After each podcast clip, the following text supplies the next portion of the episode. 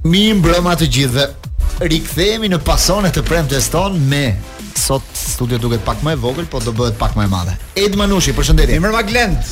Lorenc Vini, përshëndetje. Mirë mbrëma Glend. Si jeni sot të karikuar? Sot mirë, jeni gati për një, një fundjavë të zjarrtë. Po aq dhe aq të ngarkuar sa dhe atmosfera në Tiranë që pritet të shpërthejë shiu i madh nga momenti në moment. Po shikoja pak se thonë që Ajo që ndodh në Romë sot vjen në Tiranë nesër. Dje për shembull gjatë komentit të Romës në në Conference League me Helsinkin, po binte një shi i lehtë, kështu që ai shiu i lehtë do vijë sot në Tiranë. Po thonë që mund të ketë edhe një shi pak më të madh se i lehti. Jo, do ketë rebeshe sepse rebeshe, po jo. po. Çfarë do i sugjeroje njerëzve ti në fundjavë duke qenë se do ketë rebeshe? Në fakt unë doja të ikja në jug në fundjavë. Ku do shkoje? Ku po doja të ikja se s'kam shkuar fare. Vazhdojnë pushimet e tua këtë vit. Shumë pak kam shkuar. Mbarojnë pushimet e Lorencit. Po Jugu shijohet dhe me shi. Dhe me shi, mos u kthe, mos e mos e prish planin sepse është shumë bukur, po në Itali është më keq se kaq sepse shira të rrëmbyshëm ka pasur dhe humbje humbje jetë. Italia po. ka qenë Uroj që mos vijë rrebeshi dhe këtu keni se shpresojmë që jo, jo po, sepse pashë disa foto të po shirat e kësaj kohe bëhen gjithmonë forcave të ndërhyrjeve me me varka të vogla me gomone për të duke treguar që kishte përmbytje të mëdha nëpër disa qytete. Veriu një një meteorolog që është i famshëm grek kishte bërë parashikimin për Shqipëri dhe veriu i Shqipërisë do do përfshihet nga nga stuhi të forta.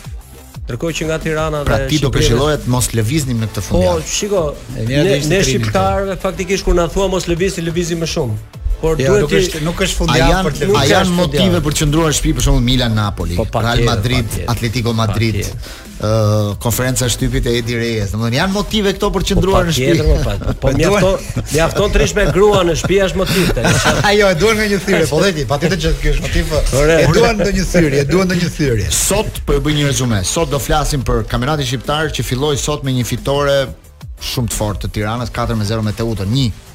Pastaj do kalojmë pak te kombëtarja që ka bërë listën zyrtare sot Edi Reja për grumbullimet e dy ndeshjeve që do luajë javën tjetër.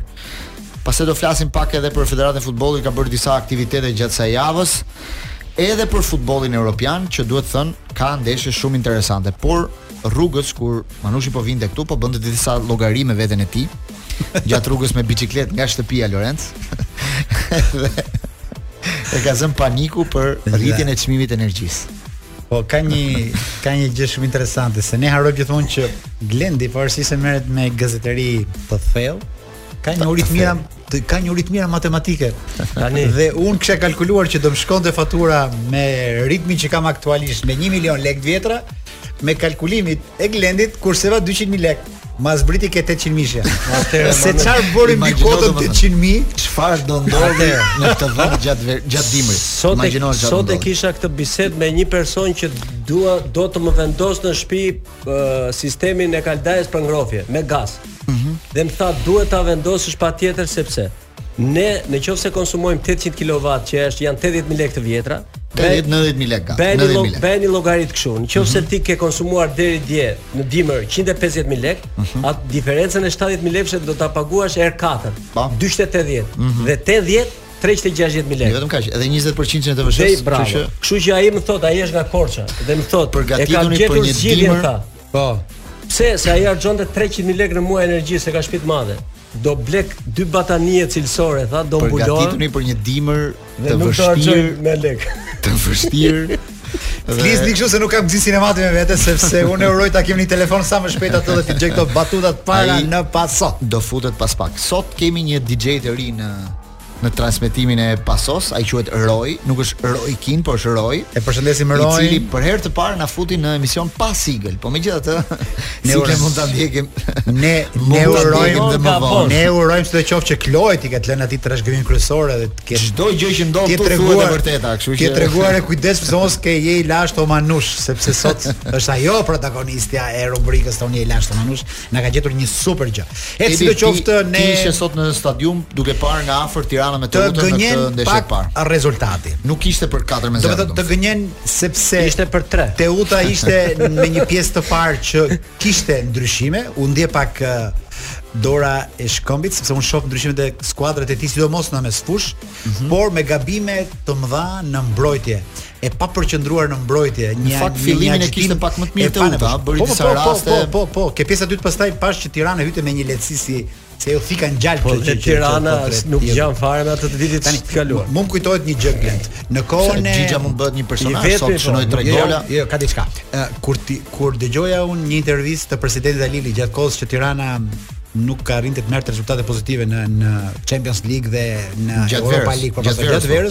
Mhm. Ai dha një intervistë që më bëri shumë përshtypje. Tha, dëgjo, tha, është shumë vështirë dalësh në treg për të blerë lojtar.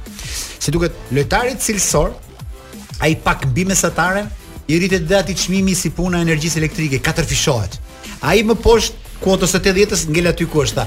Për kampionat shqiptar tha, nuk mund të investoj tha në këto gjëra. Në Europë vlen. Dhe çfarë ndodh, ai ka bërë kalkulimet e veta, s'ka investuar ai, ka parë që të tjerët edhe më pak se ai kanë investuar dhe prap me këtë Tiranë të copëtuar. Me këta lojtarë të larguar, ai ia del mbanë në kampionatin shqiptar. E tregoi sot. Fjalia fundit e shkojmë publicitet. Se po unë do rri te ajo shprehja e Glendit të javës kaluar. Që? Në qoftë se s'ke asnjë lloj vizioni dhe ti bën akoma kontrata një vjeçare, në 2022 është normal që s'do gjesh lojtar. Është pasiguri dhe frikë. Nuk ke ku i gjen. Jemi rikthyer në Paso dhe na është bashkuar edhe Ylli Aga direkt nga stadiumi Selman Stërmasi ku po ndiqte nga afër Tiranën me Teutën. Ju përshëndes. Erdha me dy mendje se dëgjova të shqetësuar Manushin për faturën e dritave. Fillova të bëj llogari. Ai duhet të thuash Ylli Aga sa e ke faturën. Ylli Ylli Aga dhe shënimet e tij. Shënimet nga maçi, ato janë shumë të rëndësishme Ylli në stadium. Shënimi më i rëndësishëm që ke mbajt sot nga ndeshja e Tiranës me Teutën. Minuta e 43 kur bëhet goli i Tiranës, aty filloi ndeshja tjetër. Deri në atë moment ishin një ndeshje e barabartë, më pas Teuta e fiku motorin dhe në fushë ishte vetëm Tirana që e fitoi 4-0 dhe mund të fitonte edhe më shumë. Goli i parë, me thënë të vërtetën ishte shumë i bukur, për nga mënyra se si rrodhi aksioni. Super gol që. Edhe goditja që bëri Xhixha dhe sot po ishte. Çfarë ndodhi te Teuta në mbrojtje po? U shpërbë Teuta në mbrojtje në mënyrë të çuditshme. Po besoj që e vuajti në atë goditje sepse ishte një gol i marrë në çastet e fundit të pjesës së parë, ishte ndeshje pothuajse e barabartë. edhe me me raste që krijuan të dyja skuadrat, goxha e luftuar, kam numëruar 21 faulla në pjesën e parë, ndërkohë që në pjesën e dytë vetëm 11, sepse edhe u krijuan shumë hapësira, lojtarët e Teutës që vinin gjithmonë një kohë me vonesë dhe Tirana që ka cilësi në në formacion për të zgjidhur të tilla situata. Diti goli goli në që Ylli sot po, po flet. Ylli sot po flet për herë të parë për kampionatin. se s'ka folur gjithë këtë periudhë, qoftë se ke vënë re. Më si prisi ka pas njeriu, njeriu i ka vënë atë, pas ka vajtur. Jo, jo e kam vënë re, jo e kam vënë re. Po mu më ka munguar Ylli Aga dhe komentet e tij për kampionatin shqiptar të futbollit. Unë do të dëgjoj si për një koment për një për kampionatin. Të të them diçka, unë e kam parë kampionatin këtë vit. Unë e kam parë Yllin dy herë në stadium dhe Yllin e kam parë të ndihet keq. Se ka gjëra për të thotë, por nuk shpreh dot. Dhe ja ku është vendi pasojë dhe ai. Një fjali, çfarë do thoje për këtë kampionat e këtij viti? Po nuk besoj se ka patur ndryshime të shumta, besoj është një vazhdimësi e ecurisë dhe e profilit të ekipeve të kampionatit në edicionet e fundit me skuadra të cilat bëjnë ndryshime të shumta dhe për statistikë kam numëruar 136 futbollistë të do jetë kampionati i kornizave apo jo, po lëri këto statistika. Ka korniza rra. Besoj që nuk do të mungojnë uh, korniza. Nuk do mungojnë korniza me këtë fjali. Në atë karrige që unë nuk do ta thoja kurrë. Jemi në në Shqipëri. Ajo është një karrige e veçantë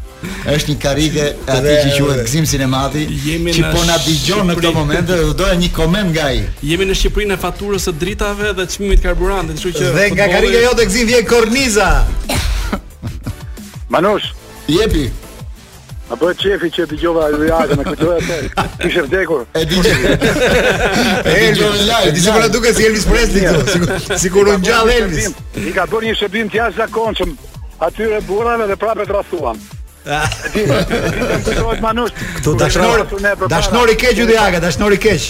Manush, kemi pas përpara ne një, një tjetër ke moviola përpara Jeminit, Pregjën. Bujar Pregjën, Bujarin po mikun tonë Bujar Pregjën. Në një, në një rast, në një emision, Duka me miqtë vet, po shikonte emisionin, Edhe kur ka dëgjuar atë Pregjën duke folur, ka thënë, "Ne dum servila, po jo kaq shumë." Edhe ata kemi ulli e pësuan, e tepruan një çik, e tu në overdose. Gzim Sinemati ka qenë eventi i javës, stadiumi Air Albania, i padisponueshëm për ndeshje futboli për arsye që ndoshta nuk dihen, por i disponueshëm për evente të rëndësishme sportive, ku me mijëra fëmijë marrin uniformat, ku gjyshërit emocionohen, ku një epokë e re nis për futbollin e uniformave. Dhe të topave. Edhe unë jam gjysh Manush. Edhe unë jam gjysh. Të urojmë se sot ja ta themi arsyen pse mungon. Nipi mbush një vjeç. Prisja të më vije te dera të sillje dhe një uniformë, se thamë të harxhojmë 2 milionë ca euro për fëmijët. Edhe diku që është e bukur, pasi të zhveshën futbollin e burrave, do veshën Dhe gjatë, ti... Manush, po, ti... Ti e gjyshën e nuk do marrësh asnjë uniformë. Po, e këtë stadium, Ulen me karrige dhe ata imitojnë partinë, ai po krijon partinë e futbollit. Dhe më e bukur ishte edhe ftesa, kishte vënë emrin Armando Duka para Edi Ramës, me thënë sa. Po mirë, po mirë, ai ai e bënte vendin, mirë bënte. E vendi aty ishte. Që të jetë presidenti i futbollit para kryeministrit në ftesë. Po kjo është një, një dëshirë e vjetër për ta pasur një poshtë Ramën, se gjithmonë e ka pasur sipër. Ke gjë tjetër Gëzim. Po këtu jemi. Na le pa fjalë me këto që the sot. Jo, ore, ke marrë vesh ti çmimet e dritave ti, filloni bëni kalkulime me po, me Irma. Dëgjoj. Mezi dëgjoj. Tani na dëgjon. Mezi dëgjoj. Gëzim jemi në Pasó lidhje drejtpërdrejt. Nisi kampionati 4-0 Tirana Teuta. Ti nuk e ke ndjekur ndeshjen për arsyet që ke, po Ylli Aga tha ka akoma pak korniza kampionati. Komenti jot. Do nuk dëgjoj mirë, të lutem, thuaj teknikës për diçka se unë po vjen zëri shumë larg. Ta tentoj edhe një herë ndoshta. Ta ngre, ta ngre pak zërin, ndoshta që Gëzimi të na dëgjojë më mirë në në këtë lidhje që po po bëjmë me Sinemati. Ndërkohë Ylli, ë uh, sot tre golat e Xhixhës duket sikur ai i ka marrë to i ka marrë frenat e skuadrës, duke qenë se uh, Shehi ankohet shpesh, s'kam një sulmues, Edhe në po, vërtet kampionati s'ka një sulmues. Një lojtar mjaft i rëndësishëm uh, edhe në edicionin e kaluar për Tiranën, mm -hmm. veçanërisht në bashkëpunimin që kishte me Taulant Seferin. Tanimë është kthyer në një violinë të parë për skuadrën bardheblu. Është një lojtar për të cilin uh, pritshmëritë janë maksimale, besoj do ta ndihmojë shumë skuadrën e Tiranës dhe veçanërisht në një kampionat ku sulmuesit Ata elitarë, ata cilët bëjnë diferencën, ata cilët të uh, dinë të shpërblejnë skuadrën në qëllimin e tyre për të shënuar, besoj që do të jetë një lojtar mjaft i rëndësishëm për për për Tiranën. Dhe për ta kompletuar pak, po sheh në një transferim të mundshëm të tij në janar, unë shoh një dëshirë të madhe të këtyre 3-4 kokrrave që na kanë mbetur për të shkuar edhe në kampionate inferiore, po kam përshtypjen Aga, këtu më korrigjo, që ambientin e futbollit shqiptar nuk e don asnjë protagonist më këta. Kam përshtypjen. E, e di që pashë indiferent Xhixhën. Ndjesi, uroj të ah. ndjesi. Tani uh, nuk di të jap një përgjigje të saktë, por një opinion edhe në një lloj uh, informacioni që kam nga disa burime që ë uh, disa kampionate, përfshirë po them uh, ligën e dytë uh, turke, ë uh, kampionatin ukrainas që u rikthye dhe kishte nevojë emergjente për për lojtarë, janë të interesuar për të marrë futbollistë të cilët luajnë në të tilla nivele, siç është kampionati ynë, Dhe me pagesat që u ofrojnë lojtarëve ta. Besoj që do të jetë Xhixha ndër të parët një target për të tilla liga, për të tilla skuadra sepse uh, janë uh, mundësitë për t'i bindur palët, qoftë lojtarët me shifrat që ofrojnë, qoftë edhe klubet me pagesën pra, për prishjen e pra, kontratës. Pra, përfitojnë të dy palët. Na u rikthye Gëzim Sinemati, besoj na dëgjon. Gëzim na dëgjon tani? Tash ju dëgjoj. Okej, okay, Manushi ka një jo, pyetje. Ishte kjo ndërhyrje me Gëzim, se jemi duke folur për kampionatin shqiptar të futbollit dhe në vendin tonë të dëshiruar Ylli Aga, i cili thotë që ndonjë kornizë tek këtu kampionatit i ka mbetur. Opinioni jot? Ka, ka një kornizë sepse kemi shkuar kampionati 49 nga 55 janë, edhe ajo ka kornizën e vet, por nuk dihet ça ngjyre, është e bardhë apo e zezë. Po Shqipëria ç'a vendi është Gëzim?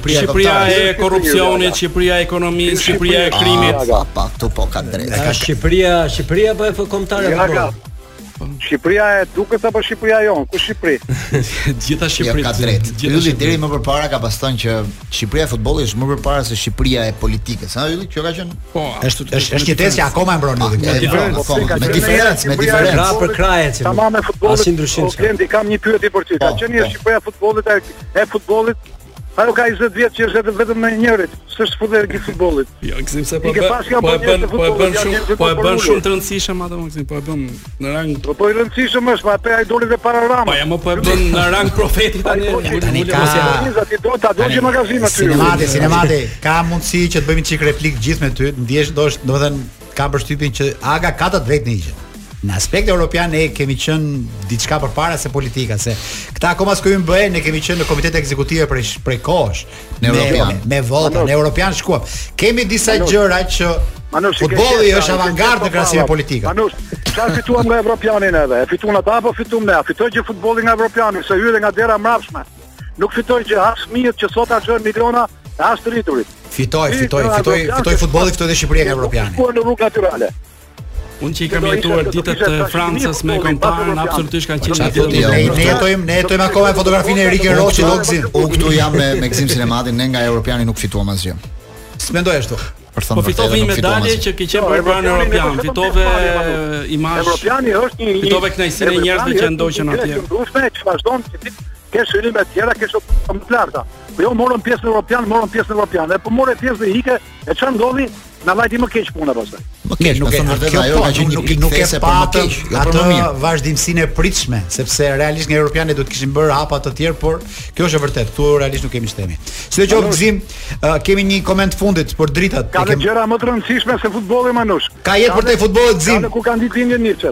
Ah, ai është vetë shumë i rëndësishëm, po. Jemi ke komenti i dritës, faturës e ke bërë llogarinë me Irmën se sa të shkojnë dritat për muajin tetor? Do të ndihmoj unë?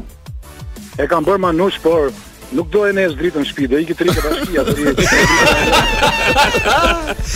Por përqafime Gëzim si në vati, urime nipçes dhe të presim të hënën në Proces. Ajde, na, gjithë të mira, gjithë të mira. Sukses. Ciao, ciao. Jo, vetëm kishte diçka ti. Vetëm Yllin e shikoj që i paska humbur vigjilenca e statistikave. Pse? Sepse i mungon një statistikë për arbitrin që ishte Klodian Prenga e ka ndeshjen debutuese në Superligë. Ëh. Uh -huh. Edhe edhe pse ka qenë edhe vjet në në listë, por nuk arbitroi asnjë ndeshje. Në qoftë se s'gabohem, ka arbitruar vetëm në fund një, po në qoftë se s'gabohem. Sot nuk ishte ne. Jo, ishte ndeshje e qetë, më ajo që doja t'i thoja Yllit ishte nuk ishte ndeshje për 34 faulla. Por duke qenë që është arbitër i ri dhe me atë merakun që mos i shpëtojë se ca faulla ishin që mund të lejoheshin, por në përgjithësi e kaloi testin, kështu që Okej. suksese në vazhdimësi.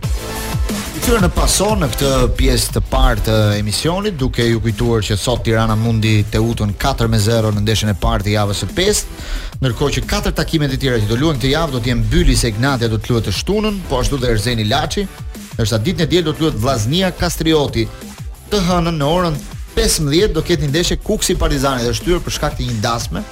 Ishte programuar për t'u luajtur të dielën ndeshja, por kemi një dasëm të vëllezërve Taipi më duket, njëri nga vëllezërit. Kapiteni jam anëtar i klubit i lashtë si Manushi. Ë, klubi i lashtë si Manushi, po. Mhm. Tani po kujtoj një intervistë të madhit Vasil Ruci, për Edi Manushin që fliste për ditën e dasmës tij. Po. Në 1986 kur ka galeri, galeri, galeri, galeri, galeri. Po atëherë ishte e bukura që po. ishte vetëm e diela që bëheshin dasmat, ishte vetëm e diela për futboll. Po, po, po. Dhe Vasil Ruci që shkon merr nusen, shkon në shtëpi me kostum shkon në stadium, zhvishet, luan pjesën e dytë. Futbol gol. Vasil Vasil ti e bota gjithë stadiumi dhe pastaj heq rrobat, vesh kostumin, shkon prapë në dasmë. Dhe tani ndodh kjo, ja një tjetër numër 7, Gjelbrim Taipi që bën dasmën, por për çudinë e madhe sepse dasma shtyhet për të hënën. Por kjo është çudia. Ndërkohë që mund të bëjë të shtunën. Do të thotë ata do lodhen në dasmë, si e gjen Partizani Kuksin të hënën? Nuk gjej asnjë arsye pse është pse është të shtunën. Ma di pse? Nuk e di nëse është të hënën. Nëse e bën në Kukës ai, nuk është se ka shumë salla dasmash. Nuk e di ku organizon. Nuk besoj që bën. Nuk besoj që bën në çat çak. Po, futbollistët e Kukësit në përgjithësi rrinë ti. Ai futbollistët e Kukësit arsyeja e vetme pse shtyhen dasmat, edhe këtu jam kompetent e kam zbuluar gjatë kësaj vere, janë mhm. çështja e sallave të dasmave. Edhe një në Vlorë thoshte, ah si nuk ka ky gushti 36 ditë. Se i kishte të zënë atë dreka darka gjithë, se njerëzit duan vetëm në atë periudhë të martohen. Sidoqoftë, ju e patë çik gëzimin e Gëzim Sinematit. E di pse ishte, Gzimi ishte i qetë sot dhe i qeshur. Ai ka, ai është shumë i zgjuar dhe ka zbuluar diçka. Nuk na bie në sy këtu, po ai ka zbuluar kontributin vullnetar, atë që bëhet tek Sigali, pensionin e famshëm që të jep sigurinë e së nesërmes. Në fakt, e thamë javën e kaluar dhe shumë njerëz janë interesuar tashmë. Në fakt Manush, edhe unë sot takova një mikun tim në rrugë dhe mm. duke biseduar i thashë ku po shkon, tha do shkoj të bëj një depozitë në bankë. I thashë, po pse në bankë kur mund t'i depozitosh lekët pranë fondit të pensioneve Sigal? Super. Që e ka dhe përqindjen 3.85 në vit, duke krahasuar me bankat që kanë 0.9% është një diferencë shumë e madhe.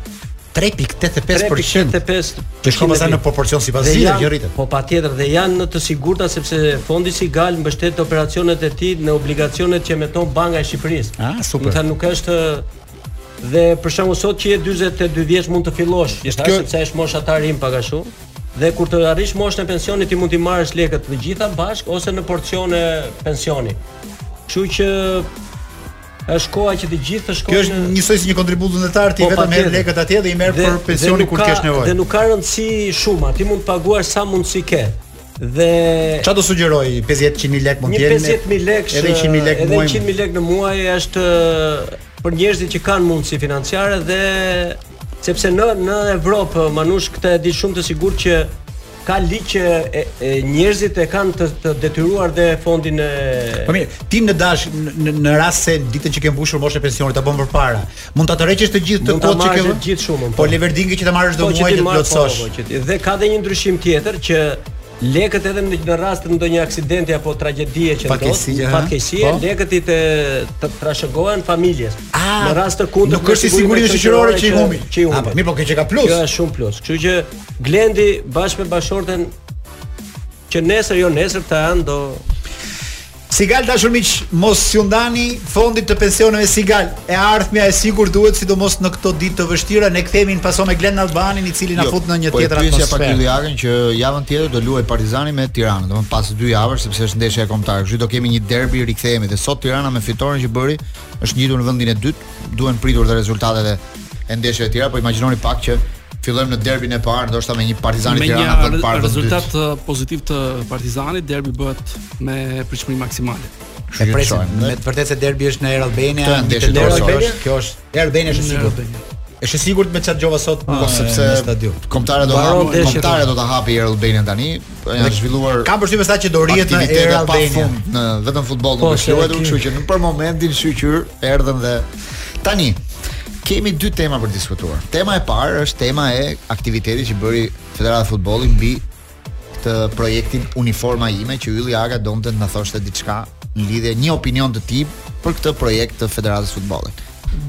E fillon. Atëherë me me bindje absolute është nga investimet më të rëndësishme të Federatës Shqiptare të Futbollit në mbështetje të futbollit të moshave në raport me uh, një tjetër iniciativë që ka qenë në topi im me pra, bashkëfinancimin për, për të shpjeguar Federata e Futbollit do ofrojë për gjithë futbollin e moshave uniformat e ndeshjeve dhe të stërvitjeve apo jo? Të gjitha. Dhe të stërvitjeve. Çfarë ça ka seti? Për të gjithë fëmijët e çdo fëmijë që, që është i regjistruar, që është i regjistruar në Federatën e Futbollit është ka një set të, të garantuar, topi është i garantuar. Tani mund të të bëj një pyetje, nuk e di nëse ti e di, po Ky është një projekt që është fituar vetëm këtë vit nga UEFA apo nga FIFA apo ç'a projekti është? Jo, si është fituar? Kjo është hera e parë që aplikohet dhe uh -huh. do të ketë vazhdimësi, do të jetë e jo, garantuar. Jo, nuk është nga, nuk është nga UEFA. Do të thotë vit, është nga fondet e Federatës. Është financim totalisht i Federatës. Po, po pse s'e ka bërë më përpara? Pyetje. Tani gjeti lekët.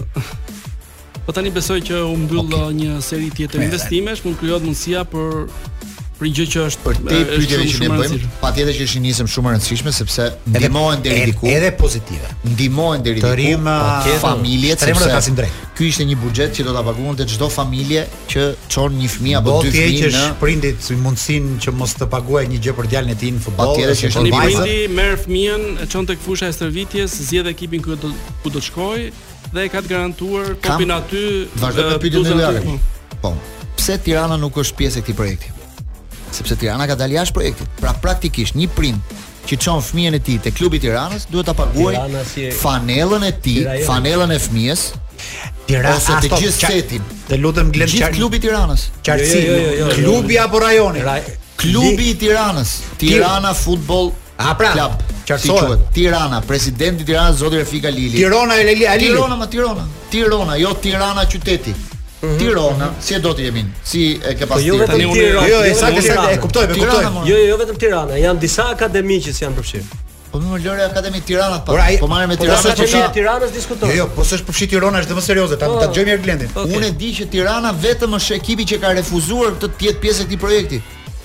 dhe i ka uniformat vetë, pra çdo prind që çon fëmijën te klubi i Tiranës, do duhet të paguajë për këtë setin, nuk e di. Okej. Okay. I gjithë seti duket se kushton diçka rreth 150 euro.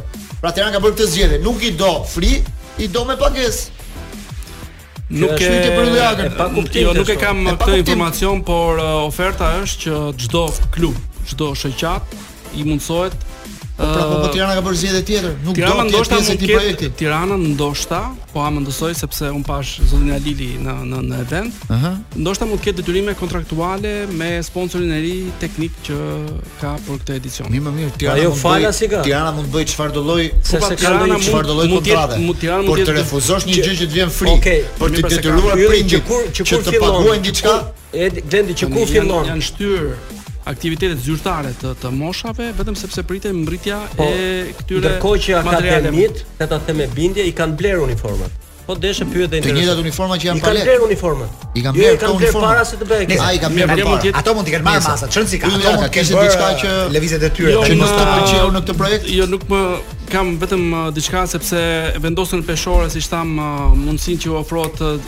të gjithë fëmijëve dhe të gjithë uh, klubeve dhe shoqatave për mm -hmm. bluzat, për topin, Uniforme, për, për bashkëfinancimin e terreneve sportive, ë uh, kontraston ashpër me atë vendimmarrje të fundit për riorganizimin e kampionateve të moshave, ku mhm. vendos si kriter licencimi i klubeve pjesëmarrëse në këtë në këtë kampionat dhe që është uh, sigurisht një goditje shumë e ashpër për uh, për klubet dhe shoqatat, të cilat kanë investuar prej vitesh për të qenë prezent në të tilla nivele dhe që janë përjashtuar për gjëra uh, fare minimale. Në informacionin tim Flamurtari është penalizuar vetëm për mungesën e dhomave të zhveshjes.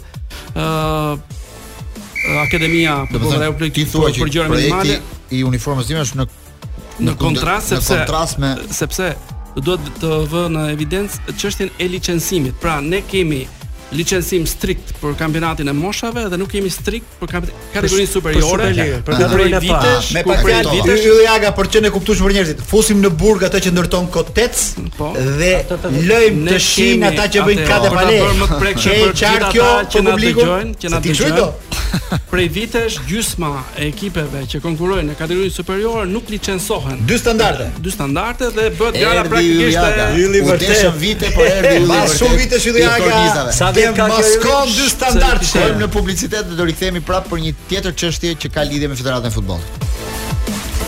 Jemi sërish në Paso me Edi Manushin, Lorenc Eminin, Ylli Agën, duke diskutuar mbi hallet e futbollit shqiptar siç i quajmë ne këto. Megjithatë, kam një kërkesë po, Blend para çdo po, po, 3V Fejzo, kompjuteri magjik e ka marrë në qafë Lorenc Eminin. Se ndërron kampionate si mbreti gratë. Kalon nga kampionati kategori superiore, shef volejboll në rërë, shef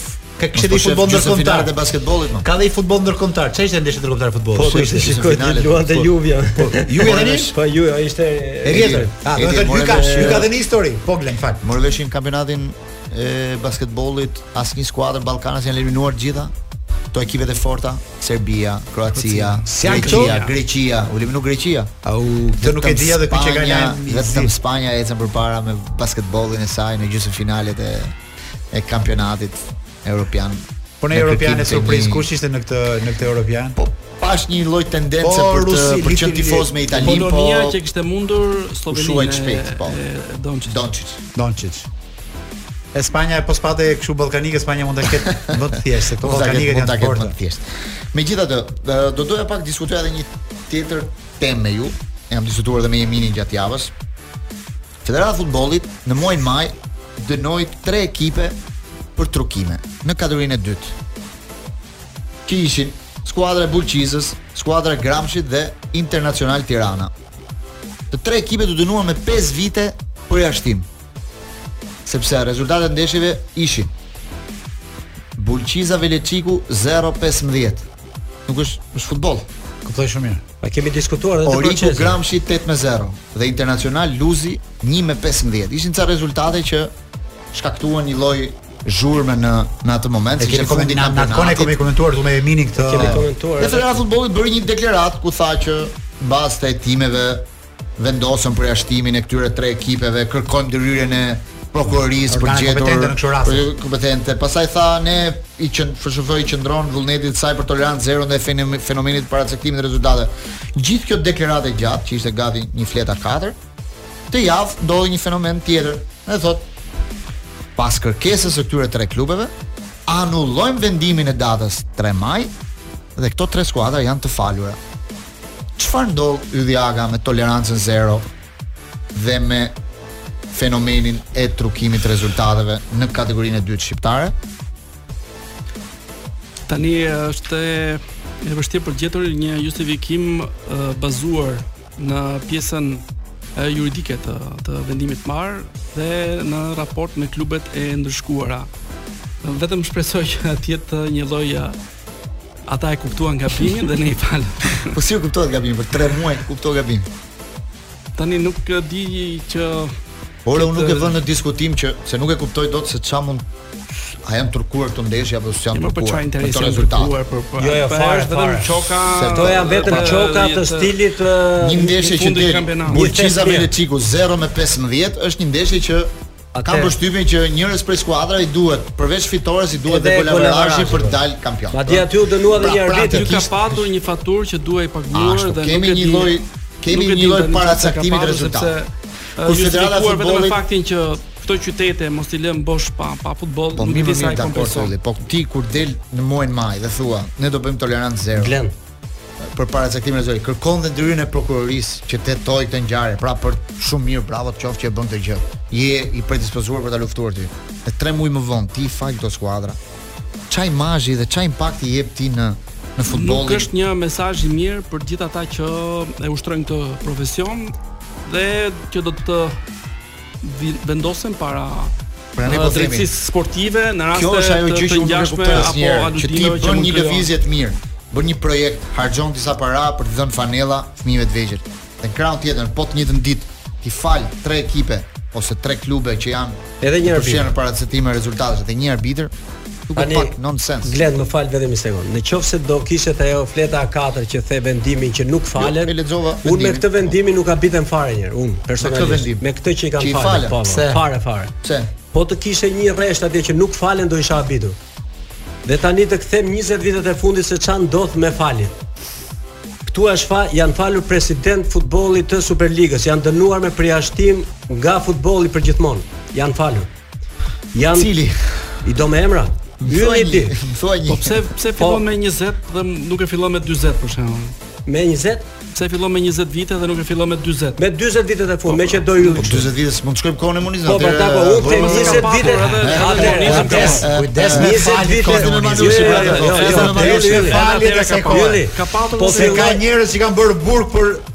trajner që i thyen të katër xhamat që ktheshin nga Kavaja te Edin Hamari. Po filloj serioze, po filloj me 20 po. vitet e fundit që i kam jetuar vetë. Më presidentë futbolli që janë dënuar për jetë nga futbolli janë kthyer. Trajnerë futbolli që janë dënuar për jetë nga futbolli dhe janë kthyer.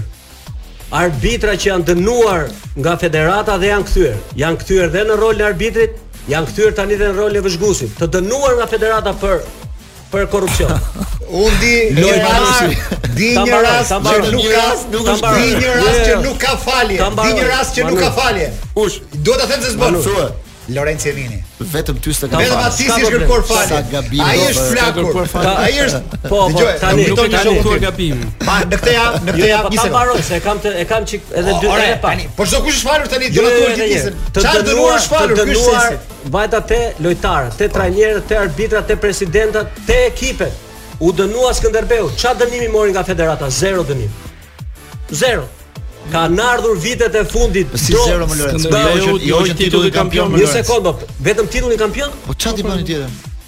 Po në kategori të tretë më. Atje ku çfarë bën? Atje po shkon. Po tani prokurorin pastaj. Edhe diçka tjetër. Aha.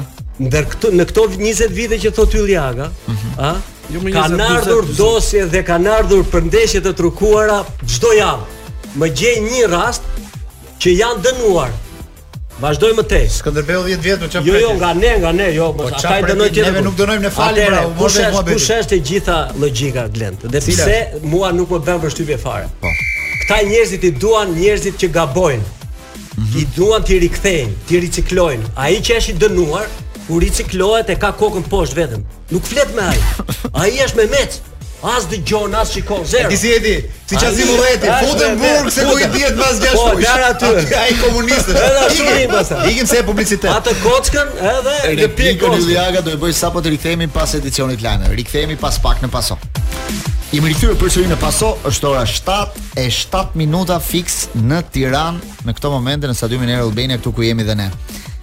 Dhe papritur, dhe të papriturat kanë një zgjidhje. Thjesht kalon në Iute Credit dhe merr paratë që të nevojiten në vetëm 7 minuta. Mbaro punë me Iute Credit. 7-7 minuta kapëm fiks. Ke gjetur momentin e duhur për shtatën në Glend, por kam idenë se jemi akoma në ca batuta të fundit për futbollin shqiptar dhe do doja Ylli uh, Aga kishte një replikë për Lorencin, Eminin për hallet e futbollit shqiptar. Kur e dëgjova Emin duke folur me kaq pathos. Se foli me pathos, i renditi gjithë gabimet. Qiza, Gramshi, Internacionali, falur ato. Dhe këto ndodhin të gjitha në vendin ku pastrohen parat e Sinaloas. Sinaloa. Teresita. Shiko, o Ylli. DEA mbërrin në Tiranë dhe ky është lajmi i sotëm. Nuk ka lidhje ndoshta me futbollin, po dhe mund të ketë. Parat e Sinaloas Tiranë, jeni sigurt?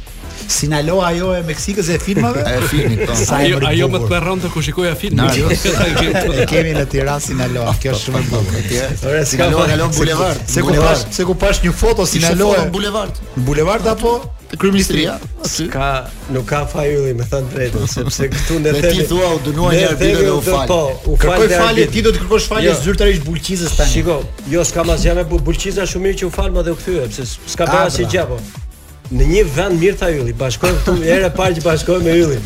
Në një vend ku këtu viren kryetar bashkie me rekorde kriminale, viren drejtora. Që vjedhin çfarë çfarë diskutojnë. Po çfarë diskutojnë për futbollin. Dhe rroftë futbolli se në rast se dhe pastaj themi ç'na kritikon Erion Braçe, po mirë e bën. Po jo, e di çfarë duhet. Ai kritikon veten, jo më ne. Po pra, mirë na bën çfarë kritikon tjetri veten që në mëngjes. Po ka më manush sa se ka pap direkt. Or zotri, ne shqyqy që kemi pason, zbuluam edhe fondin e pensioneve Sigal, mendojmë për të nesërmen mirë se s'duhet dhe Glen Albani na drejton si në çdo gjë tjetër sportive. Tani them që të largohemi pak nga hallet tona. Të shkojmë drejt. Shkojmë pak tek futbolli europian që me thënë të vërtetën ka shumë ngjarje gjatë kësaj jave sepse kur ka Champions League gjithmonë ndodh diçka për të diskutuar. Do të ta fillojmë pak me Barcelonën sepse jo, para para se të shkosh ke ky europiani, mund të ndaj me ju dhe një gjë tjetër. Po. Unë dhe Glendi kemi një mik të përbashkët. Kam dëshirë t'ia them emrin, quhet Milaim Zeka, dhe e përshëndesim. Në në mesjavë qe i ftuar në një nga televizionet e shumta politike. Ai ka shumë qejf se ka disa drejtime në jetë, ka show bizin, që do e bëj shumë shpejt me Eriona Rusin. Ka një linjë të rëndësishme të rrethit katror që e bën me ne tek e diell, me Fred Sakon, me Bled Manen, Bler Gjakovën, autor mm-hmm. Lena Albani. Dhe ka dhe një linjë politike, i ftuar në këtë emision politik, u veshu, u krekos burri kollaren dhe në mes të rrugës i thanë, Anuloje, kthehu mbrapsh. Pse i thot se një nga të ftuarit kryesor këtu nuk të do në panel? Është. Ngjarja është ngjarja është e vërtet. Fjala bëhet për Ilir Metën, qe i ftuar në një emision përballë disa gazetarëve dhe i vjen një mesazh i thotë ti nuk stafi i ish presidentit Ilir Meta nuk të do në panel përballë Ilir Metës. Edhe mesazhi se na vjen keq, po anuloje. Na vjen keq anuloje, kthehu mbrapsht. Edhe më merr mu në telefon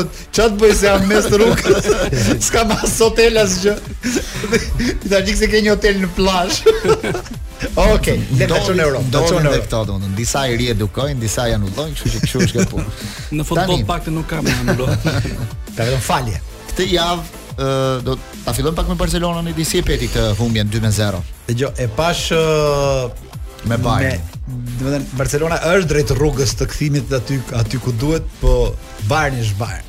Këto skuadrat gjermane nga cilat gjithmonë ka pas frikë futbolli spanjoll, këto skuadrat e bashkëtingëlloreve, këto skuadrat e makinave perfekte dhe Bayerni e tregoi në 10 minuta që është skuadër e egër kur do. Dhe nuk është ajo pati raste, pati raste. Barcelona është një skuadër e fortë, po diferenca fizike e këtij lloj futbolli akoma është e madhe. Unë imagjinoni pastaj kur të vin skuadrat angleze, Barcelona është prap. Bayern vjen edhe nga një moment voçkël këtë vit. Jo i mirë, ha, sepse ka disa njerëz që ka disa largime po Bayern jo, Bayern ka disa rezultate negative në në jo, Bundesliga. Humbja, humbja në mënyrë dhe mund të qëndrojë se që mundi Bayern 2-0 nuk është një rezultat që surprizë, me thënë, është brenda logjikës së pjesës së parë ishte brenda logjikës së futbollit. Por ajo që ajo që pash unë dhe du ta shoh në aspektin pozitiv në lidhje me Manushin është që diferencat mes Bayernit dhe Barcelonës ishin ngushtuar shumë, do nuk ishte më krahasim me vjet e parvjet. Bayerni që luante me një Barcelonë të shthurur, që nuk vraponte, që nuk lëviste. Mos harrojmë që Në atë ndeshje ne pam disa lëvizje shumë të bukura, pam dy aksione të Pedrit shumë të bukura. Barcelona vetëm dy lojtarë. Disa lëvizje të Lewandowski që po pra, me pak kujdes Pedri, mund edhe të ishte shënuar i pari. O Glen duhet të largohet. Një aksion për shkak ai Pedri i shtyllës ishte duhet të largohet dhe Busquets. Busquets dhe Piqué. Edhe pse Piqué ka ikur, Piqué dhe ai ka ikur po Busquets aty sepse është Pedri, është ai gjori tjetër ai Gavi. Gavi që më vjen keq kur shoh ata dy, shpresoj që do bëhen Xavi Iniesta pas sa vitesh. Kur shoh dhe Busquetsin, ia ul ritmin.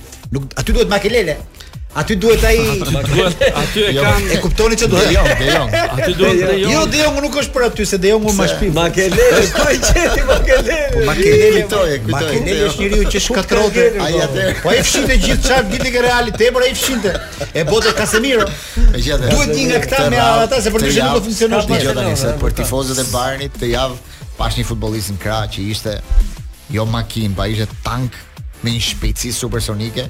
Alphonso Davies, kanadezi. Po, po, po. Si mungojnë pra Ishte një lojtar, është vetëm vetëm 20 vjeç. Domethënë i jashtëzakonshëm, edhe kur e fillonte Crown ai ai s'dalonte, jo Raphinha, jo. Se domethënë ai Bayern do të jetë një institucion aq aq i rëndësishëm saqë unë kur kam patur një takim, bashkë me ju kemi qenë me Lalën, qe një kohë që Lala luajti ke Bayern i dytë. Po. E mbani mend? Po. Dhe na tregonte për si funksionon institucioni i Bayernit dhe unë kam ngelur i mahnitur. Skuadra e dytë që ti mendon jo i një rëndësie të madhe me zyrë komunikimi të veçantë, ku Lala nuk mund të bënte asnjë komunikim me median pa kaluar nga ata, një institucion një organizim perfekt që nuk e kanë këto skuadrat latine sado lekë të investojnë. Edhe Barcelona po fare skuadrat latine e treguan në pandemi që e kanë ngritur gjithë mbi një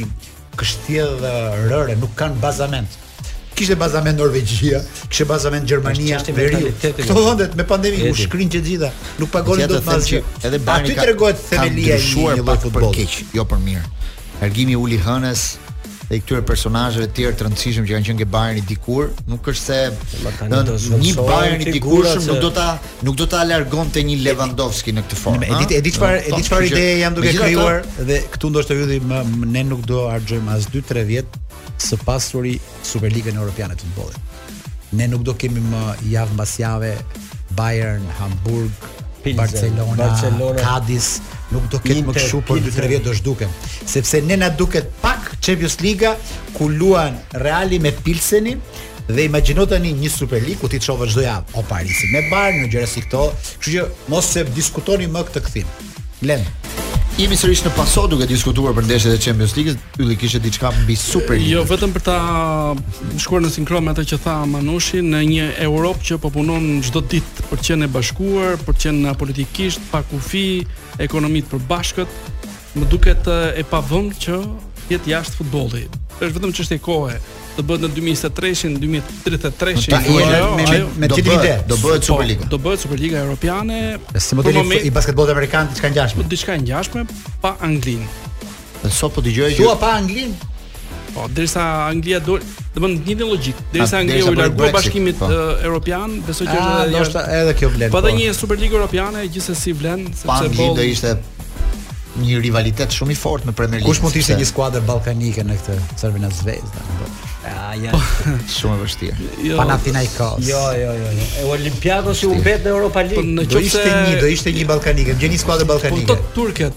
Nëse se neve për atë do bëjmë potencial për potencial ekonomik shoh Fener Galatasaray Galatasaray ndoshta Galatasaray ato që është pak që është një skuadër më që bën investime. Po pse ngelen këto me të vërtetë këto Panathinaikos, Olympiakos, e çuditshme këto patën një periudhë investimesh. Të gjitha u goditën nga trukimet. Të gjitha edhe në Turqi dhe në Greqi pati një seri trukimesh të cilat u dënuan dhe pastaj nuk e nuk e rimorën dot veten. Në Greqi pronari i Olympiakos është pronar tani i Nottingham Forest.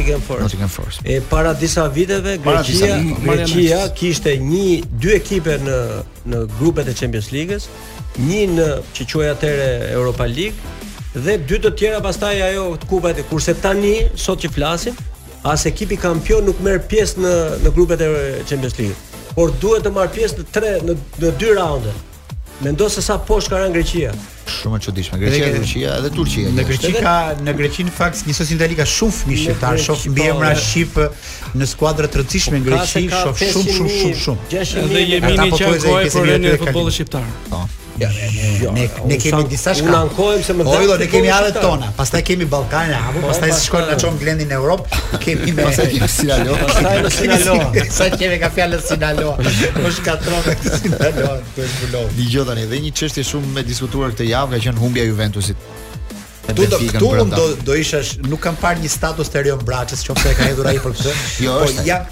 Është ka një status, nuk e kam parë. Është kundër Alegrit. A atë nuk ka pas po, argumente. Po. S'ka pas argumente sepse janë më të thella se kundër Alegrit. Kritikën, kritikën më të fortë e kishte bërë Capello. Që kishte thënë që aty te Juventusi diçka nuk shkon sepse lojtarët janë në përfundim të ndeshjes është kapur një është jashtë kamerat kanë kapur një po. bisedë mes Milik dhe Di Marias që Di Maria i thotë Milik pse të ndërroi ty domethënë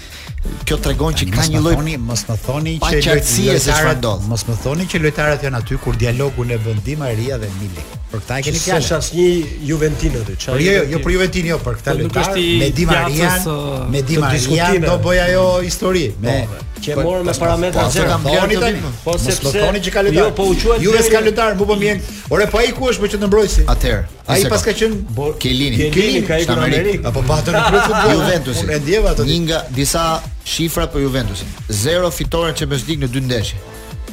Dy fitore këtë sezon. Gjithë sezonin që ka filluar dy fitore. 6 gola ka pësuar në 3 ndeshje të fundit. 8 dëmtime muskulare dhe kjo është një çështje shumë e diskutuar. Kjo çështje e dëmtimeve sepse ndodh që Dybala për shembull ishte ke Juventusi, Nuk luante dot tre ndeshje radhazi, dëmtohej. E shkuar te Roma për herë të parë në 8 vite, ka bërë 8 ndeshje radhazi në formë në fushë. Është në fushë, shumë interesante është kjo. Domethënë do të thotë që aty ka diçka që nuk po shkon. Edhe edhe golat e pësuar ky është tregus. Ndryshimet e sistemit të lojës. Në çdo ndeshje kemi ndryshime, nuk kuptohet se si luan skuadra. Vendi 8 në kampionat. Çfarë po ndodh?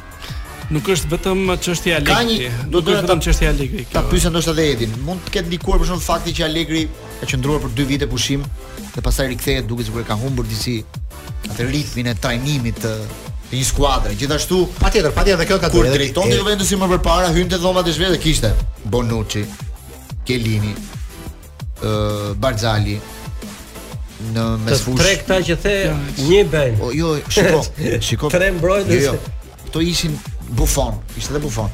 Pra këto ishin njerëzit që përcillin idenë ke pjesa tjetër e grupit. Ai hyn sot dhe ka Pogba me një vet. Di Maria 35 vjeç. Kjo e Juventus tjetri atje, tjetri këtu. Një lajm i keq për futbollin italian dhe për kombëtaren italiane, pavarësisht që ne mund të mendojmë që ka një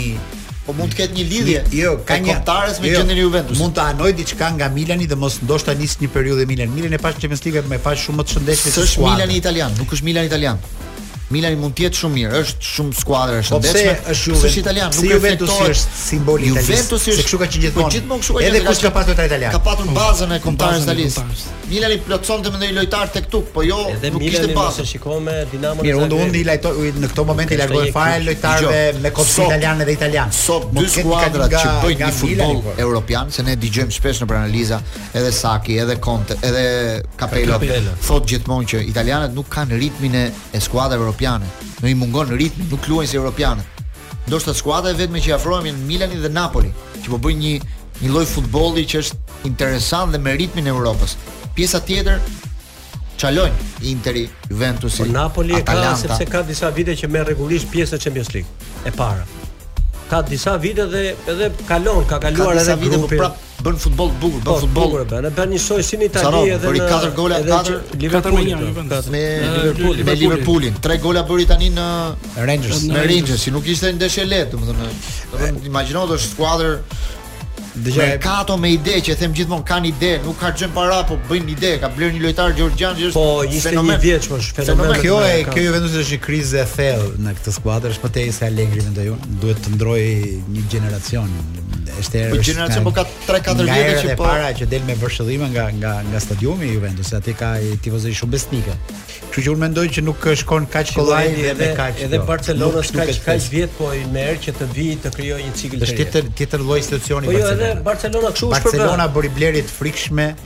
sepse ka një tjetër qasje me bankat dhe me gjëra. Barcelona ka një lloj marke tjetër që është ajo e nacionalizmit, janë bankat katalanase që subvencionojnë. E ka çik ndryshe qasjen. Plus që Barcelona ka shitur gjëra që s'ka. Ka ka ka shitur 10% gjithë gjërave që i përkasin që sot në 10 vjet e ardhshme. Që nga Spotify që ka këtu deri te gjërat e tjera. Juventus është skuadër më industriale, skuadër fabrikash. Kështu që nuk i falet këtij Juventusi mosfunksionimi. Dhe kjo kriza e Juventusit është demonstrimi më i qartë i futbollit italian, atë që themi gjithmonë atë futboll që nuk prodhohet më, që nuk vjen më nga bosh gjëra. Juventusi s'po luan dot as në Itali, se mirë në Champions League. Dhe në Itali pra, unë kam parë ndeshjen me me Salernitanën, Ishte 0-2 deri në minutën e Bayern Inter e keni parë të gjithë. A e patë se sa u zvogëlua Inter dhe Inter është një zonjë skuadër italiane. Edhe po, pra, kjo është treguesi që një skuadër e madhe jona çdo javë del para Bayernit dhe të zvogëlohet zvogëlohet në mënyrë të çuditshme.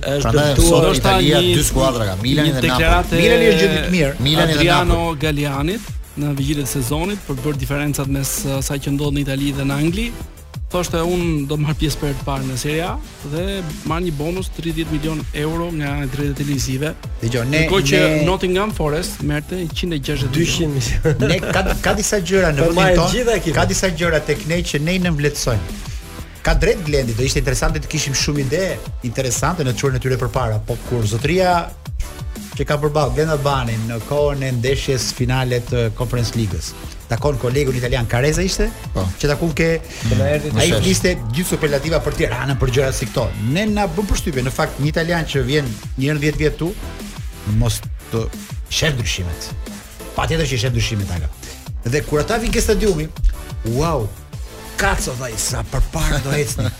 Totalisht më kështu. Kaco i thon sa mirë. Shumë cika. Sa përpara do ecni, çdo njeri e kupton se çfarë emocioni ka këtu. Dhe neve themi, po çfarë fut kot ky? Në fakt, deri këtu jemi në rregull. Ku na çalon ajo historia që ne nuk ecim përpara sipas syrit që na shohin këta? Po jo, se ai vjen këtu dhe asnjëherë s'e kam kuptuar. Ai vjen këtu dhe nuk ka dëgjuar asnjëherë për futbollin shqiptar.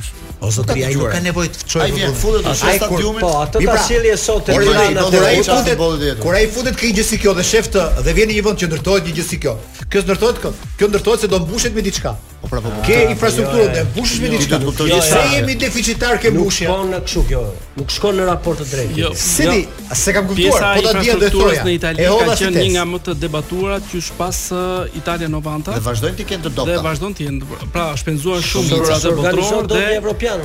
Kanë ende uh, stadiume të shekullit të kaluar, ndërkohë që në gjithë Evropën po ndërtohen stadiume të atro. Por edhe që kanë qenë një nga elementët më të rëndësishëm të bashkëfinancimit të. Shkoi pak më tej. Ai direkt bëri tre pyetje, si merret qytetaria shqiptare? Sa përpara do shkoni ju mas 10 vjetësh?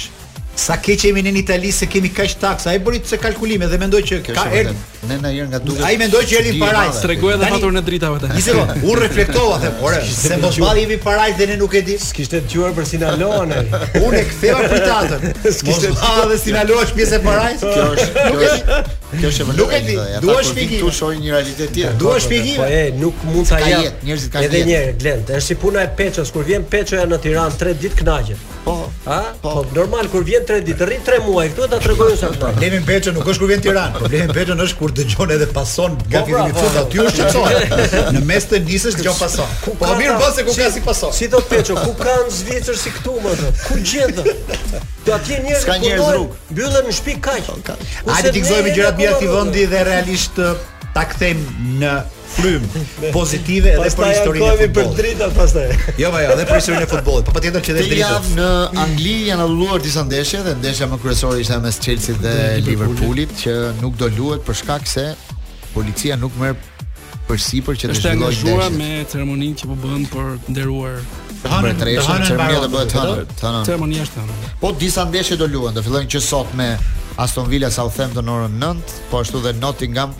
Fulham, ëh. Po dy skuadra që vijnë nga ndeshjet e tjera Ylli tani për sa i përket Është Wolverhampton Manchester City, besoj ndeshje e rëndësishme të, të shtunën dhe besoj një nga diferencat që Anglia ka edhe me këto kampionate të tjera është që në çdo ndeshje ti duhet të djersish shumë për të marrë maksimumin. Nuk është si këto ndeshje që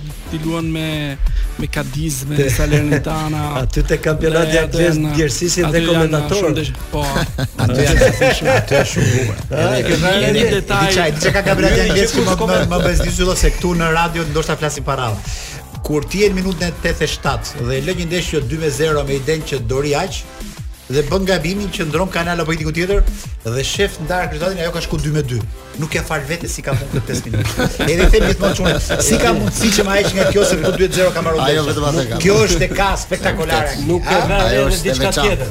Në vetëm unë e burare. Ylli që kur komenton vetëm kampionatin anglez, shikoje si ka rënë. Ti ke problem në radhë. Ka rënë, ka rënë, shikoje. Ha, ka rënë në peshë.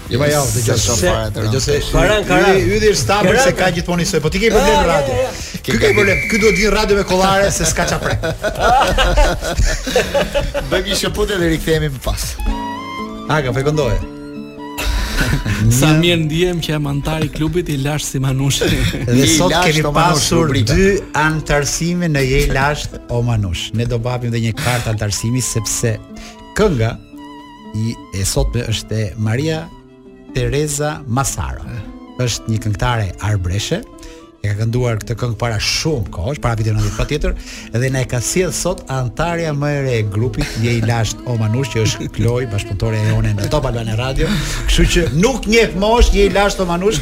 Dhe ju dhe Jaga je i mirëpritur. Je i mirëpritur, po duhet të bësh sugjerime për këngët, ha? Këto janë jo, tinguj këngë që emocionojnë, besoj jeni në një mendje me ne.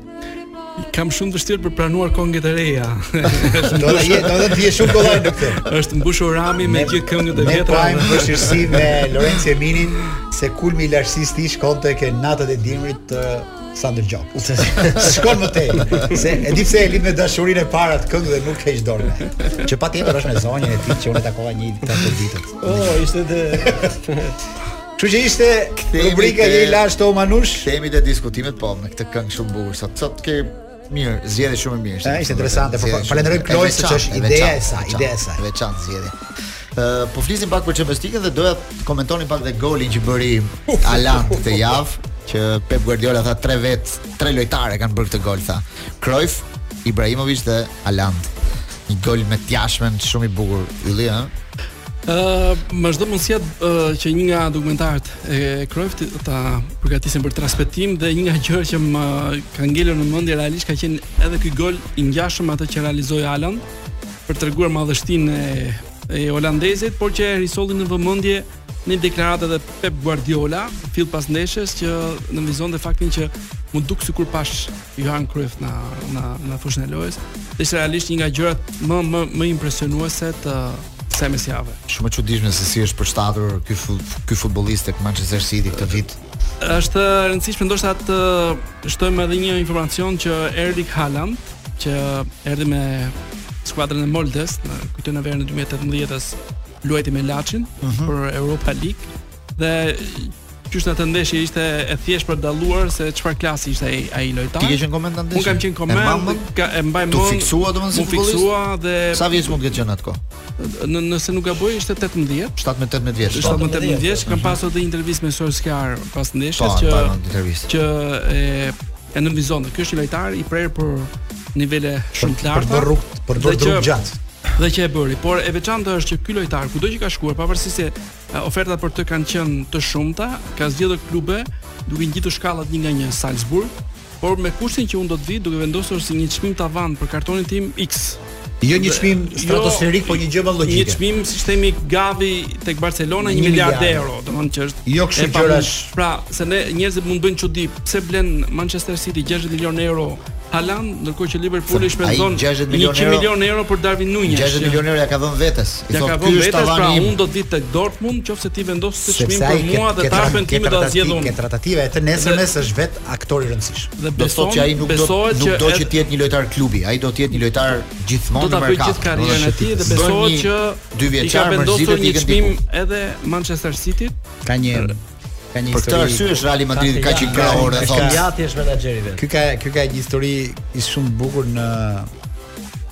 Mykonos vitin e shkuar ku u ku mbahet mend në atë vizitë për bakshishet e frikshme që i ka lënë kamarierëve.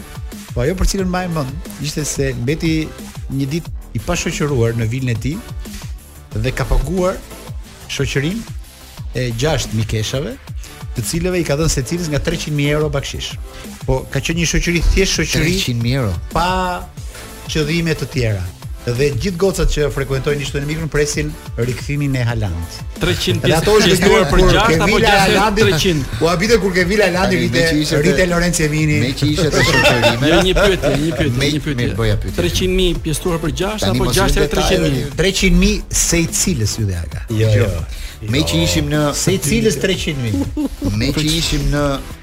Doni kuriozitete, më keni.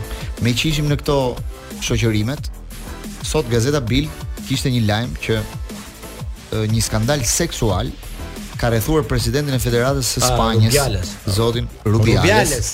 Xhaxhai i tij ka, ka qenë shefi i burimeve njerëzore në Federatë deri në 2020 dhe ka bërë një denoncim. Ka dalë në media dhe ka thënë që mbasi e kanë pushuar nga puna. Nipi im, po pra, po. deri në 2020, nipi im ka organizuar një festë me bashkëpunëtorët e tij me femra në një vilë në Granada. Dhe kjo festë është regjistruar si një takim pune dhe është paguar me paratë e Federatës Spanjolle të Futbollit. Kanë qenë të pranishme nga 8 thoshte deri në 10 vajza për Rubiales dhe këshilltarët e tij, dhe disa këshilltarë të afërt. Tu te federata jo ka nisur nga puna. Ka nisur një hetim për këtë për këtë ngjarje. Federata Spanjolle ka bërë një reagim, ka thënë që këto janë vetëm thashetheme, duan të dëmtojnë imazhin e presidentit të Federatës. Xhaxhai duket. Atëherë çka kuptoj me këtë? Xhaxhai quhet Juan Rubiales. Rubiales. Pra, çka kuptoj me këtë? Ne kuptojmë që Federata Spanjolle e Futbollit funksionon si një monarki. Sepse xhaxhai akuzon nipin. Po. Duket sikur është brenda një pallati me monarkësh që bëjnë akuzën. Fakti është ato janë zyra shoqate, se stepi do të zyra shteti, siç janë organizimet e federatës. Po. Shi tani si kalon. Xhaxhaj. Trajneri i femrave të Spanjës i shoqëruar me 1 milion skandale nuk e heq njëri për shkak të një tjetër lidhje xhaxhaore që ka brenda institucionit. Shiko. Është institucioni par excellence nepotik i drejtimit të futbollit në Europë. Sa ishte plaku Vilari, Kthehet Vilari, aman kthehet Jo, jo, Vilari. sa çoi çoi një Si ishte kupë bote, fije. edhe dy europiane, harroj gjithçka.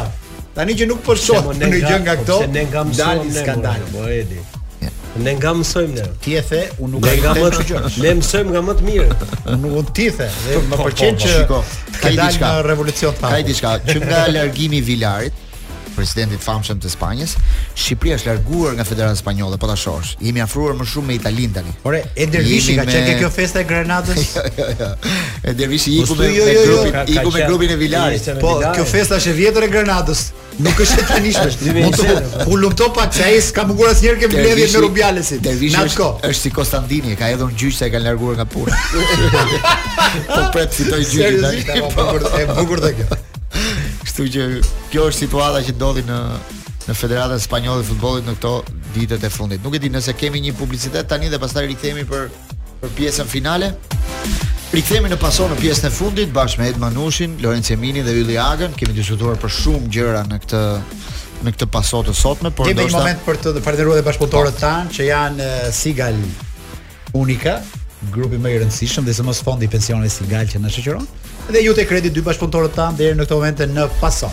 Jemi ke momentin ndërkombëtar akoma ndoshta Glen. Po, doja të diskutoja pak me ju në këtë pjesë të fundit sepse këtë javë ndodhi dhe një lamtumirë shumë e rëndësishme, siç ishte ajo e Roger Federer që i dha fund karrierës së tij pas sa e sa sukseseve. E trishtë. 1251 fitore dyqind e shtatëdhjetë e pesë humbje, treqind e dhjetë javë i pari në renditjen botërore.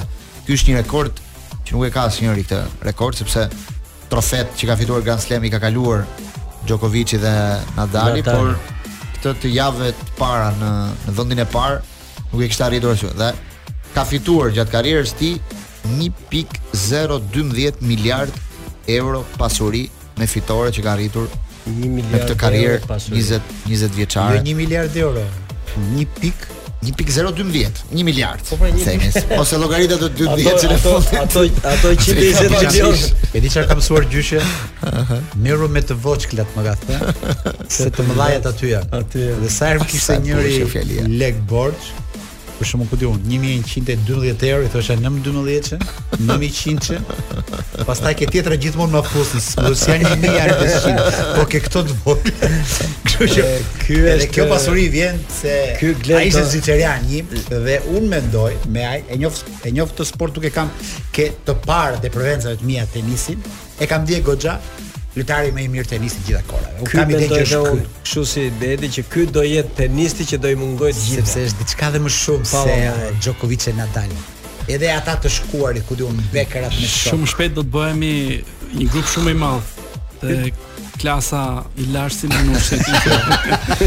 Shiko, janë hapur andarësimet. Fakt letari i madh. Ti po dëgjoja një nga podcast një analist italian, i guximshëm vite ke rrjeta, ai bote ca gjëra që si bëj këta. Ti po, po flisja te një analist italian që tha kur ishte Pete Sampras, ai ishte më i madhi përpara. Është vërtet. Amerikan Federer, po. po ai kishte fituar 14 Grand Slam dhe mendonim tha që nuk do i thyhet, nuk do vinte dot një njeri tjetër mbrapa. u harrua për dy vjet tha. Nuk e mban më mend Pete Sampras. Por Roger Federer ka patur një fat keq në thonjza sepse për ne ishte një fat i mirë. Konkurrencë. Që nuk ka qenë i vetëm në këtë në këtë Ka qenë një dekadë. trio apo një tri rekord. Ka qenë një treshe që ka fituar 62 trofe Grand Slam. Ç'do të thotë 62 trofe Grand Slam, praktikisht nuk kanë lënë asnjë tjetër për të fituar. Dhe imagjinoni që i katërti në renditje është Andy Murray që gjithashtu është një tenist për të hequr kapelën. Është ai është i jashtëzakonshëm dhe me sipër. Dakor, po. Kemi dhe Alcatrazin që ka dalë tani. Vetëm se shiko Glend, po të vësh re diçka sivjet edhe te US Open që mungoi Djokovic për arsye të Covidit, mungoi Federer për arsye që dihet dhe Nadal që vinte nga dëmtimi e fitoi turneun një jo nga këta e fitoi Alcarazi vetëm 19 vjeç. Po mirë, si duket për të tre po vjen ajo po pjesa. Do të thotë Djokovic është më i ri, po Djokovic është 34. Po, po Nadali dhe dhe Federer pak a shumë drejt asaj drejt rrugës së largimit do jenë. Edhe i Nole është i fortë ai Nole, po. po shumë kemi kemi jetuar në një epokë ku kemi parë këto tre tenis Messi me Ronaldo, domethënë një tenis në një epokë të jashtëzakonshme sportive. Ti je i bindur që edhe ky që po vjen, ky Alcaraz, me këtë do do jemi shumë në Spanjë thonin mbas Iniestës, mbas Ky Alcaraz do i thyejë këto të gjithë. Për të thyer nuk e besoj, por gjasat i ka të frikë se është 19 vjeç, ë? Është 19 vjeç numri 1 në botë, ka rivalitet, ka rivalitet. Po rivaliteti vjen mor sepse uh, është Tsitsipas, uh, është Medvedev. Ka aty janë 5-6 lojtarë që janë shumë po, mirë. Nga mënyra si i thu këto emra, Alcaraz është shumë i fortë. Po thoja pra në, në gazetë spanjolle thonin mbas Iniestës, uh -huh. mbas Nadalit, mbas atij të Formula 1 që si e ka. Po Alonso. Alonso. Alcaraz është si drita e madhe. Ika atyre basketbollistët spanjoll vëllezër që ishin ai. Që u larguan, iku plejada e madhe basketbollistët. Ah, po, ai më i Amerikës. Gasko, ai po po Pau Pau Pau Gasol. Gasol, po Gasol. Ajo plejadë futbollistësh dhe sportistësh përgjithësi në Spanjë. Tak, e shofin si si dritë jeshile në fund tunelit për një plejadë të re. Ky ah, Pedrët me shok po. Edi asnjëherë nuk mund të themi që iku Federeri dhe s'do të dalë një yll tjetër. Harrojnë jo, shpejt jo, gjërat. Jo, mirë po po. Yje të rinj. Edhe para ca viteve thoshim që do iki Ronaldo dhe kush do vijë erdhi Haaland dhe ta të, të sfumon E pa i Rona, ai Ronaldo po i shumë dobët ai. Historikun e historikun e disa njerëzve të ndaj e bën rivaliteti me të tjerët. Ai e bën më të bukur gara. Kjo ja shton. Dhe Messi që ka rivaliteti me Ronaldo, ai e bën më të bukur. Se po të fitojë vetëm njëri, njerëzit mërziten. Edhe këtu në tenis kështu ndodh. Edhe tani që do vi Alcarazi do do përpiqet të gjejnë Ajo... Sinerin, do përpiqet të gjejnë Kyrgios apo ah, Kyrgios siç thon ata. Ajo që thua ti u bë bezdisur me dy figura, jo me një, se edhe Messi me Ronaldo nuk po, bën bezdisur. Dy figura po rivalizojnë me njëri tjetrin, e kupton? Çfarë çfarë ndodh aty? Alcarazi ka finalja e filmit mhm. Troja, është e Odisesë që thotë nëse dikush do të pyesë për mua le t'i thoni që kam jetuar në kohën e Akilit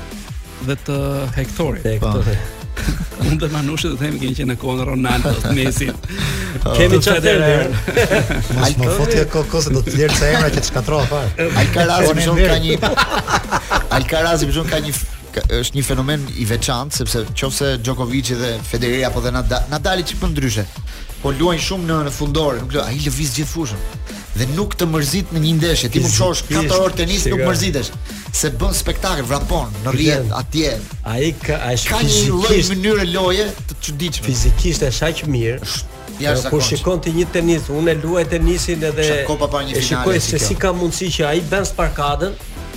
Bën sparkadën në tenis, sepse nuk te nuk je si në balet që ke ato dhe është e lëmuar. Të bësh sparkadën me atletë dhe në atë Elasticitet i madh shumë. Dhe në moment jo ta bësh, po ai se si mblidhet dhe kalon te cepi tjetër. Do nuk e di të vetëm ta mendosh, ë. Dhe këtë, edhe këtë ai e bën 4 orë. Dhe tenisi shkon 5 orë një Grand Slam. Si si shkon një nesër, si s'mbaron një nesër 3 Por unë mendoj që gjithë suksesin e ka te trajnerit e Ka një lloj ai është gjithë ka fituar një lloj tradite në Spanjë me këto lloj sportesh kam përshtypjen se nuk janë fare rastësore këto. Po janë disa Spanja kanë nxjerr ndër vite disa numër po pra, number 1, sepse ka qenë trajner Nadali po apo gjithë këto vite, ka qenë uh, edhe Vicario ka pas dhe përpara disa po, disa, disa Spanja, nuk nuk Arantxa Sanchez po. Tani bëjmë një parashikim të vogël në këto 2 minuta që na ka ngelur për këto dy ndeshje të rëndësishme që kemi këtë javë.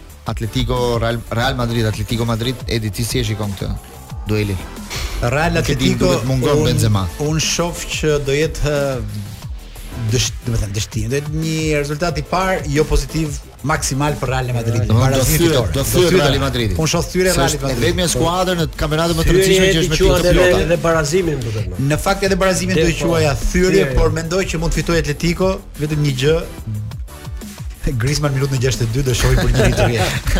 Alo, lojtari minutën 63, ah, kështu që. Kjo kjo është e çuditshme, do të më mban aty vetëm për ta futur minutën 63. Mm, Kam mbetur i befasuar nga efikasiteti i Real Madrid në ndeshjet e para të këtij sezoni, lirshmëria e të gjitha veprimeve, lirshmëria për të gjetur golet dhe për të fituar ndeshjet, ashtu si vështirësia e e Atletico Madrid. E kam pritur gjithmonë që të jetë në një nivel ose të paktën shumë pranë Real Madrid dhe Barcelonës në këtë fillim sezoni dhe këto janë nga ato ndeshje për të konfirmuar që kjo është një skuadër e ndërtuar dhe me cilësi për të qenë uh, konkurruese edhe me dy gjigantët e mëdhenj. Kjo është në Digitalb në komentin po e Glenda Albanit ditën e dielën. Në orën në orën 21. Në orën 21 pra ndeshje e madhe e javës ditën e dielën. Atletico sikur s'ka bërë ndonjë blerje të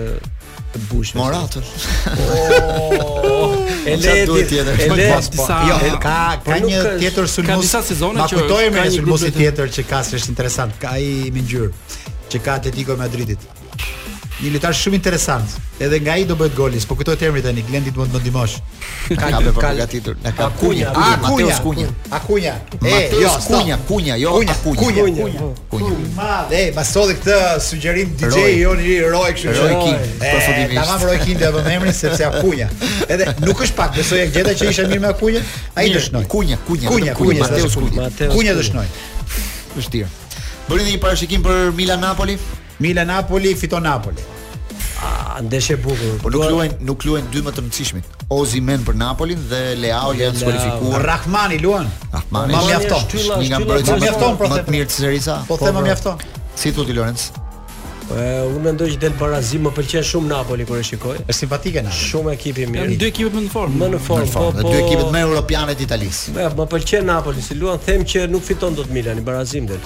Unë ju falenderoj të katërve, tani që ishim në këtë paso të kësaj jave, javës tjetër do rikthehemi të flasim për kombëtaren, se do vi momenti i dy ndeshjeve që ka kombëtarja me Islandën dhe me Izraelin, dy sfidat e fundit të Nations League, ndoshta do ndodh ndonjë gjë aty, mund të kemi një kualifikim në grupin në kategorinë A të Nations League-s ose ndoshta një projekt tjetër pa Edi Rejën në kombëtare, gjithçka ndoshta mund të vendoset. Tani do merremi edhe me listën e kombëtares, kombëtares se ka disa. Do rikthehemi në në Proces të hënën në orën 22:30, kështu që unë ju uroj një fundjavë të këndshme të treve dhe gjithë atyre që na ndjekin në radio, ne mirë u dëgjofshim të premten e ardhshme. Natë mirë.